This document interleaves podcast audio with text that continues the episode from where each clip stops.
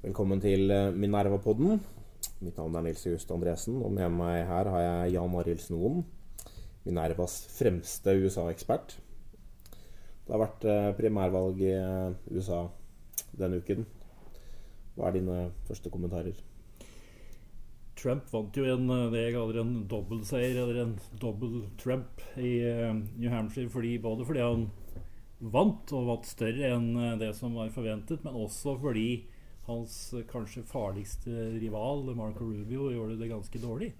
Eh, og ikke klarte da å slå ut sine rivaler på sentrum høyre i, i partiet. og Derfor så, så, kom Trump bra ut. Det betyr ikke at han eh, vinner nominasjonen bare pga. det.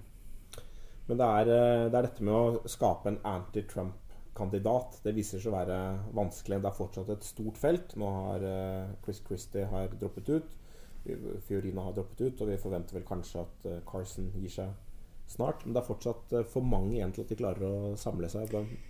Ja, fordi eh, vi har jo en del målinger som viser at Trump har eh, kanskje 30-35 eh, men han har ikke noe særlig potensial oppover. Så ettersom de andre faller fra, så er det ganske få av de velgerne som går til Trump.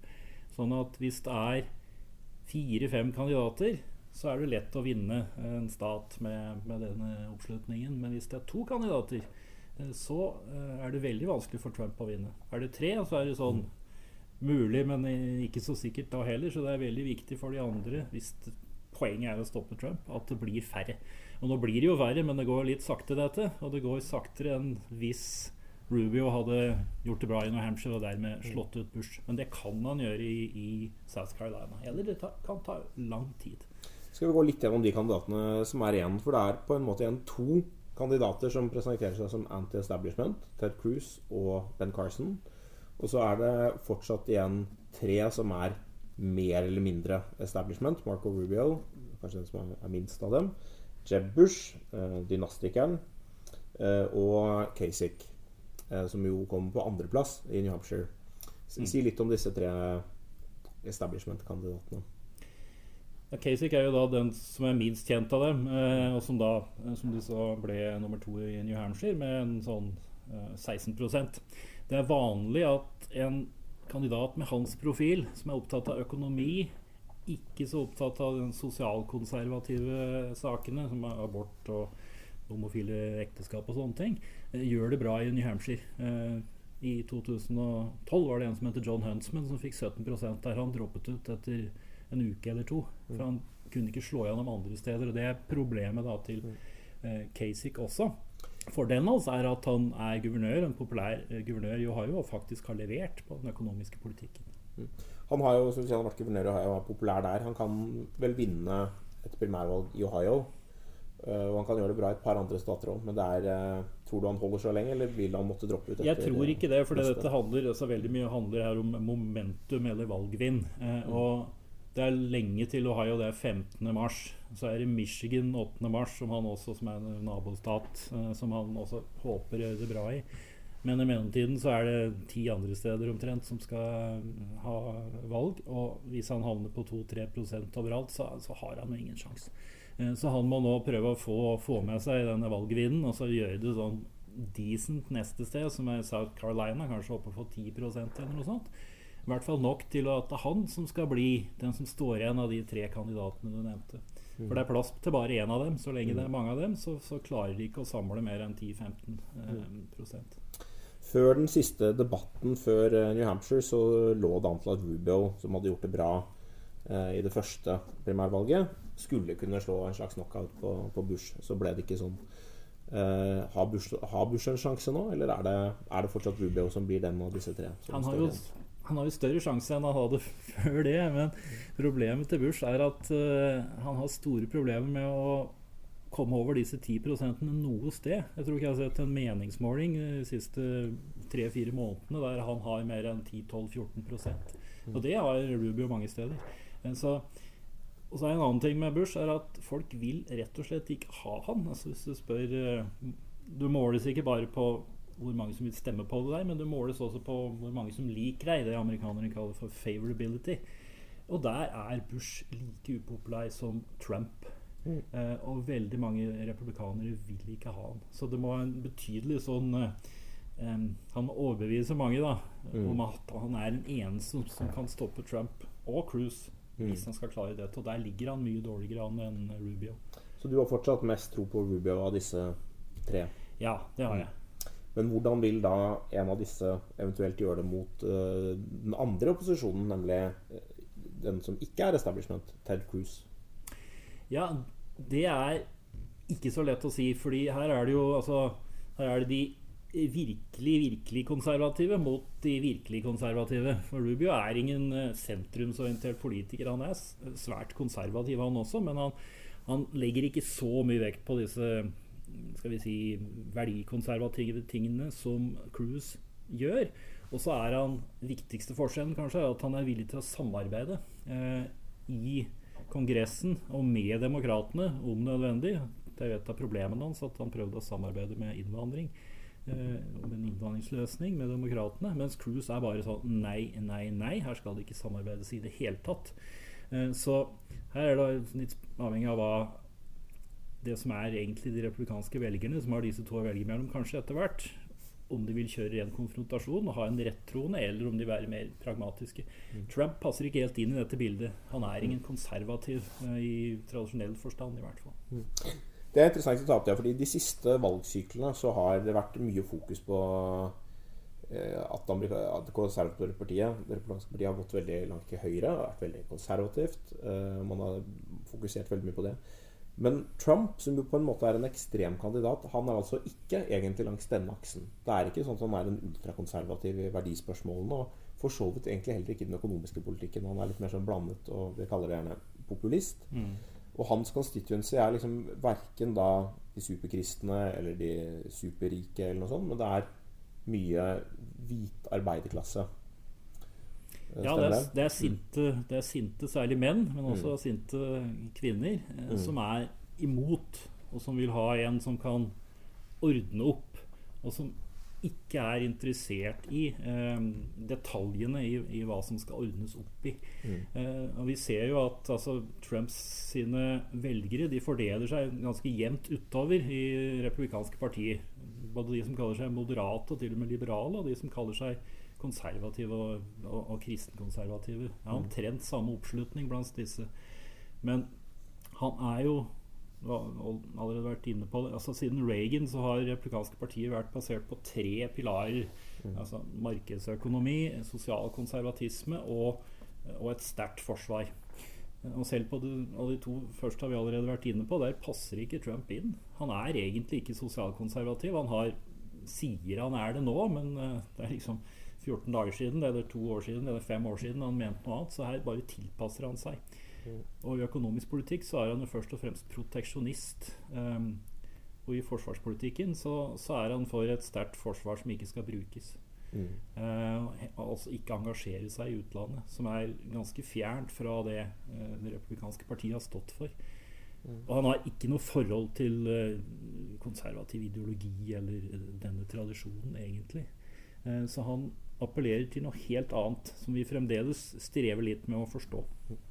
Uh, gå litt tilbake til denne sinte uh, og ofte hvite arbeiderklassen. fordi det er jo også den viktigste velgergruppen til den demokratiske anti-establishment-kandidaten Bernie Sanders. Uh, hva er det som har skjedd med denne hvite arbeiderklassen, at de er så opptatt av å finne anti-establishment-kandidater? Ja, det er klart det har vært en, det har vært en langvarig tendens over flere tiår egentlig til stagnasjon i, i, i, lønninger og velferd. Kan man diskutere hvor sterk stagnasjonen er, men det, det, må vi gjøre med fotnoter og tabeller og sånn, så det skal vi ikke gjøre på radio. Men, eh, men, i hvert fall så er det en følelse av at det går dårlig, eh, og, og at ingen klarer å rydde opp. Og særlig da i denne industriarbeiderklassa, for der har det vært en klar nedgang i sysselsettingen. Men det interessante er jo at dette burde ha slått gjennom i 2012.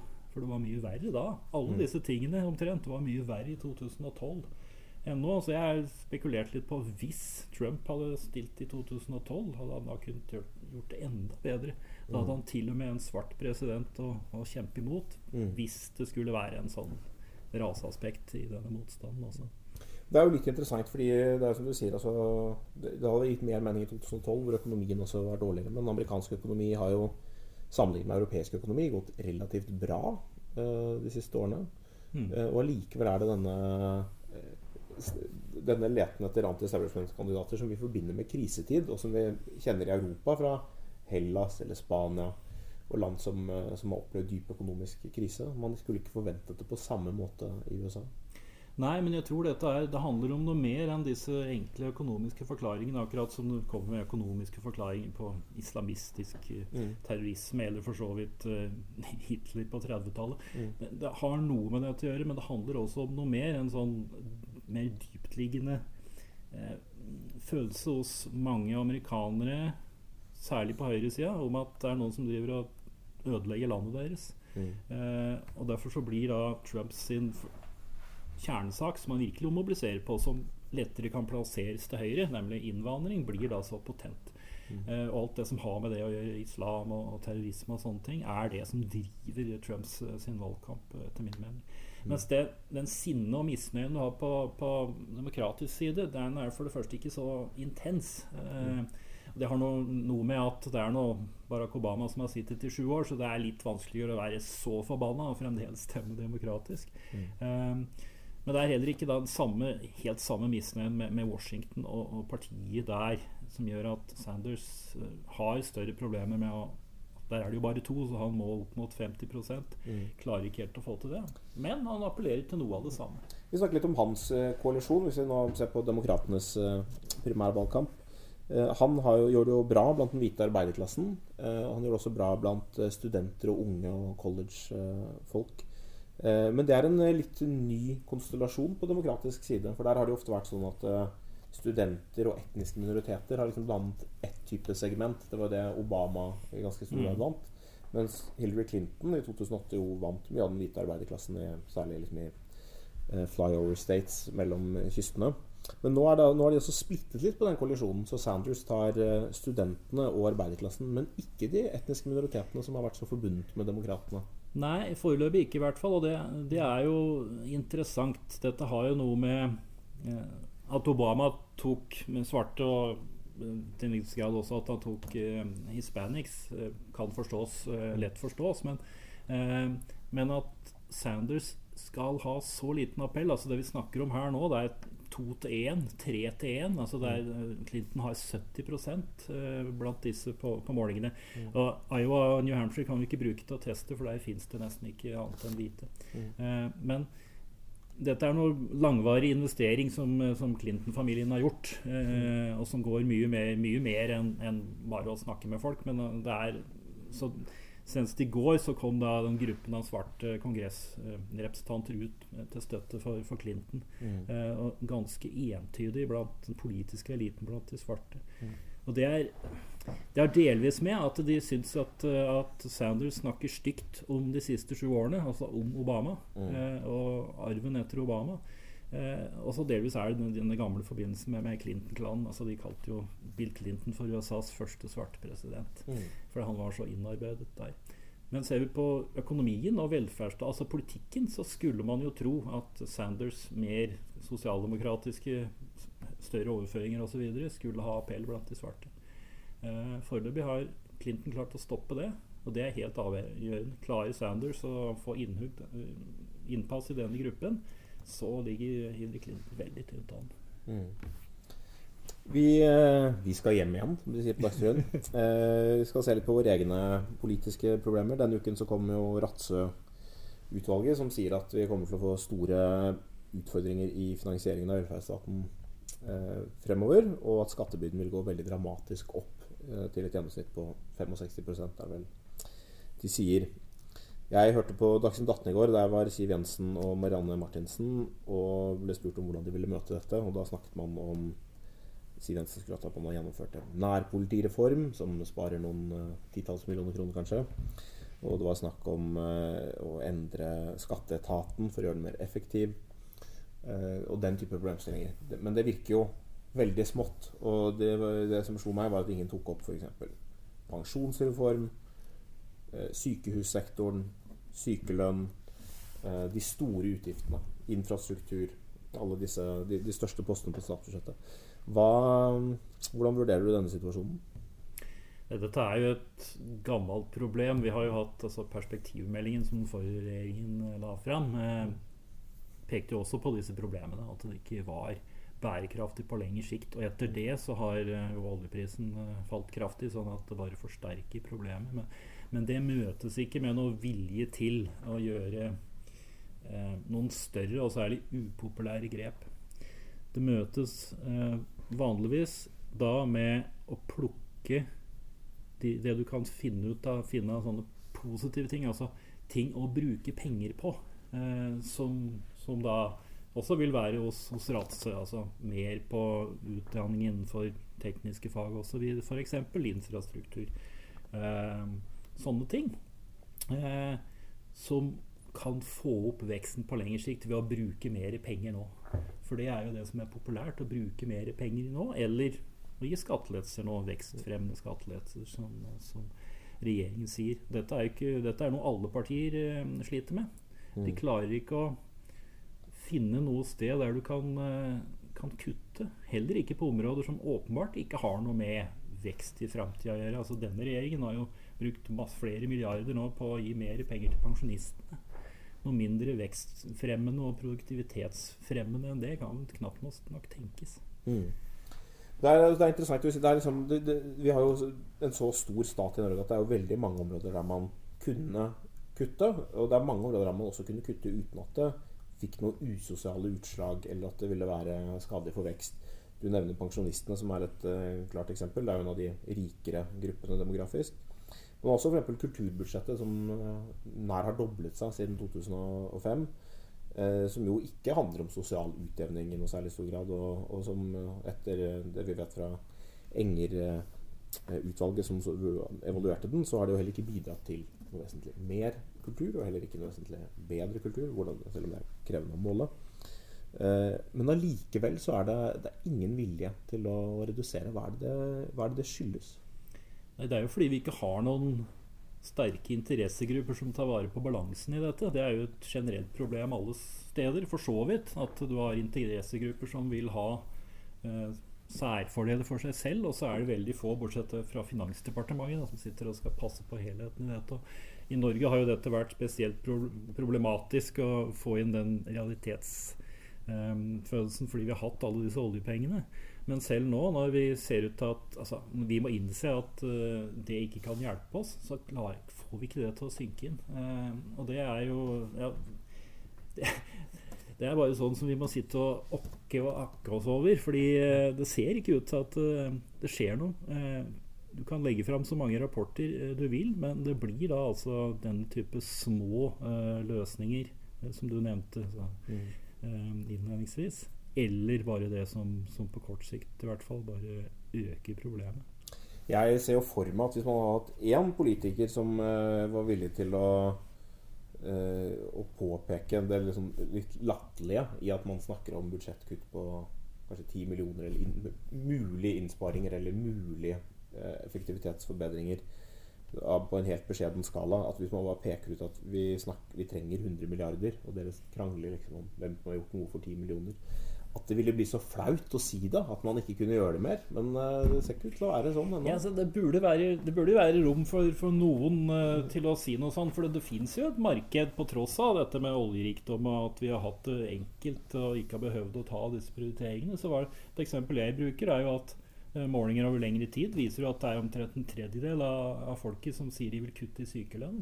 Mm. Men altså ingen partier, med halvt unntak for Venstre, som, som fronter det det burde være et marked for et eller annet parti, enten det var Venstre eller Høyre eller Frp, som kunne ta den, både den ansvarlige, men den nødvendige jobben ved å, å si dette. Men eh, foreløpig så ser vi veldig lite av det. Skal vi eh, lansere noen, noen, kutt nå direkte på, på lufta? Altså Det vi alltid snakker om og skriver om i Minaro, er jo sykelønna. Altså vi har mest Pussig nok så har vi både den mest sjenerøse sjukelønnsordninga og den høyeste sjukefraværet i verden.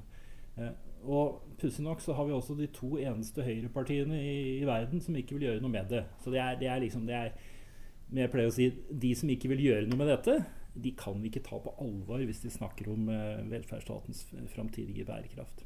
Kultur har du vært inne på. Eh, dobling i utgiftene uten noe særlig resultater. Kunne ha vært tatt. Noe penger. Går ikke. Uhjelp. Gjort, ble gjort et forsøk nå. Eh, blir kutta litt, da. Men det er også sånn som er veldig uklare effekter, men som går inn på sinnelaget, da, særlig Kristelig Folkeparti. Og så har sikkert du noen også?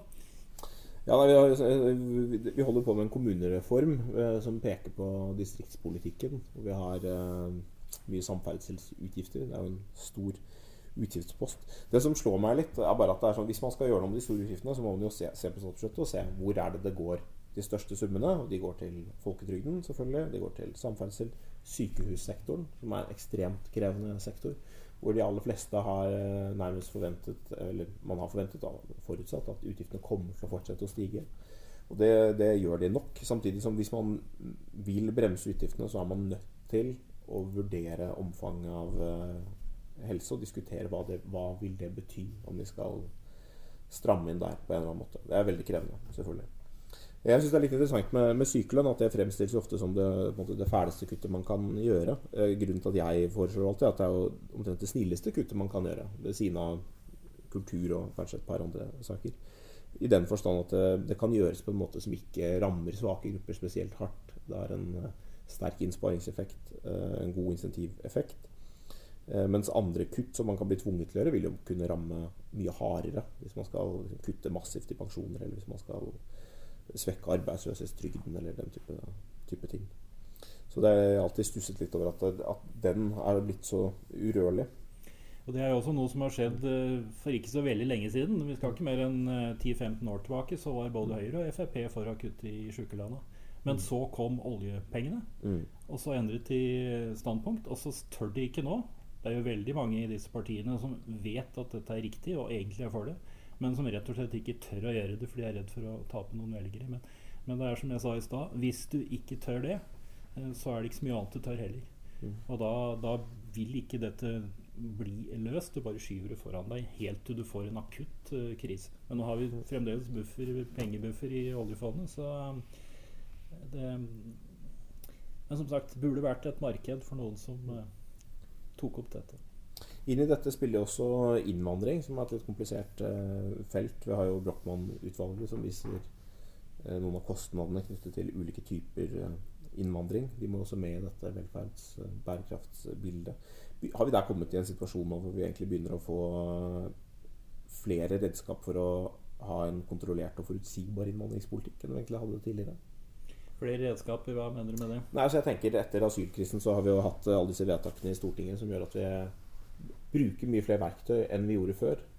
Som gjør at vi i et normalår vil kunne ha færre innvandrere enn vi har hatt kanskje de siste årene også. Tror du det blir en dreining i politikken nå hvor partiene vil måtte se innvandring også i lys av disse velferdsutfordringene? Ja, det kan nok være. Fordi det er klart at altså med den enorme tilgangen, eh, inngangen som kom nå i fjor, så, så vil det få en betydelig effekt uh, relativt kort tid på, på um, velferdsstaten.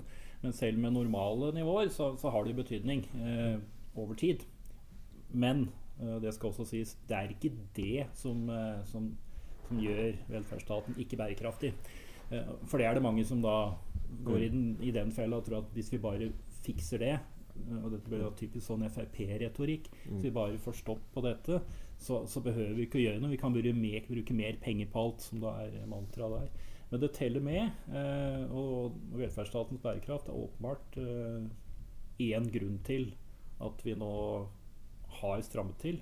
Og det kommer vi nok til å fortsette med også. Eh, føre en stram politikk, selv om vi nå ser at den brede, enigheten vi hadde da det var så mange hundre som sto på Storskog, ikke er så bred. Men det visste vi. Mm. Ja, da har vi fått vite om sinte hvite arbeiderklassevelgere i USA. Kanskje noen i Norge og vanskeligheter med å kutte. Da sier vi god helg fra Minervapodden. På gjensyn.